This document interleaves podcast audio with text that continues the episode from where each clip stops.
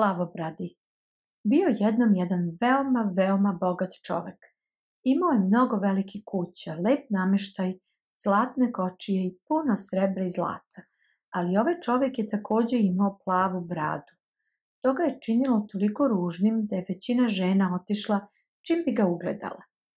Plavobrad je silno želio da se oženi jednom od svoje dve susede. Nije mu bilo važno kojom, ali ni jedna od njih dve nije zainteresovana. Ne samo da im je plava brada bila odbojna, već je plavobradi bio oženjen i njegove žene su misteriozno nestale. To je skamenilo komšije. Ipak plavobradi nije odustajao. Pozvao je svoje susede da ostanu nedelju dana u jednoj od njegovih najlepših vila. Mogle su da dovedu majku i njene prijatelje. Odlučile su se da prihvati njegovu ponudu. Celu nedelju su se zabavljali zajedno. Igrale su zabavne društvene igre, kupali se i jeli najukusniju hranu. Tako su se lepo proveli da je mlađoj komšinici počeo da se dopada plavobradi i pristala je da suda za njega. Nakon venčanja, plavobradi i njegova nova žena živeli su srećne u jednoj od njegovih prelepih kuća. Jednog dana je plavobradi rekao svojoj ženi, moram da otputujem na šest nedelja radi važnih poslova. Pozovi prijatelje i zabavi se. Zato mi je dao ključeve svih soba i riznice u kući. Slušaj pažljivo, rekao je. Možeš ući u sve sobe i otvoriti sve riznice, osim jedne sobe dole na kraju velike sale. Ovaj mali ključ je ključ te sobe. Šta god da radiš, ne ulazi u tu sobu. Supruga mu je obećala da će ga poslušati i posle dugog opraštanja plavobrad je otišao.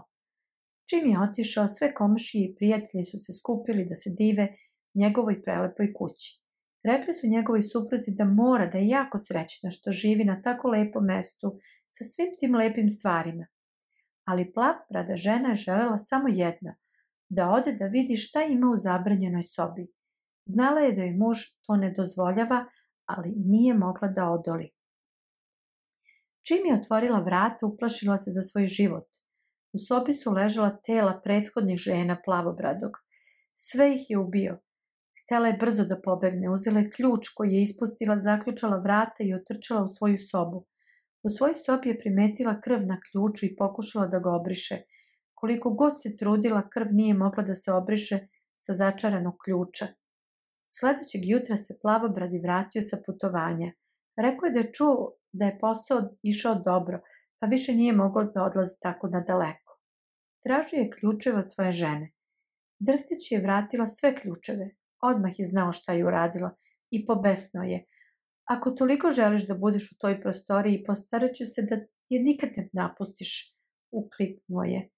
Plavobrad je imao ogroman mač i hteo je time da ubije svoju ženu kada se iznenada začuo glasno kucanje na vratima.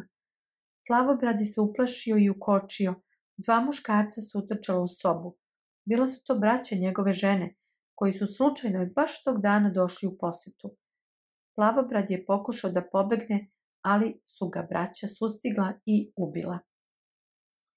Žena Plavobradog je dobila sav njegov novac i vile.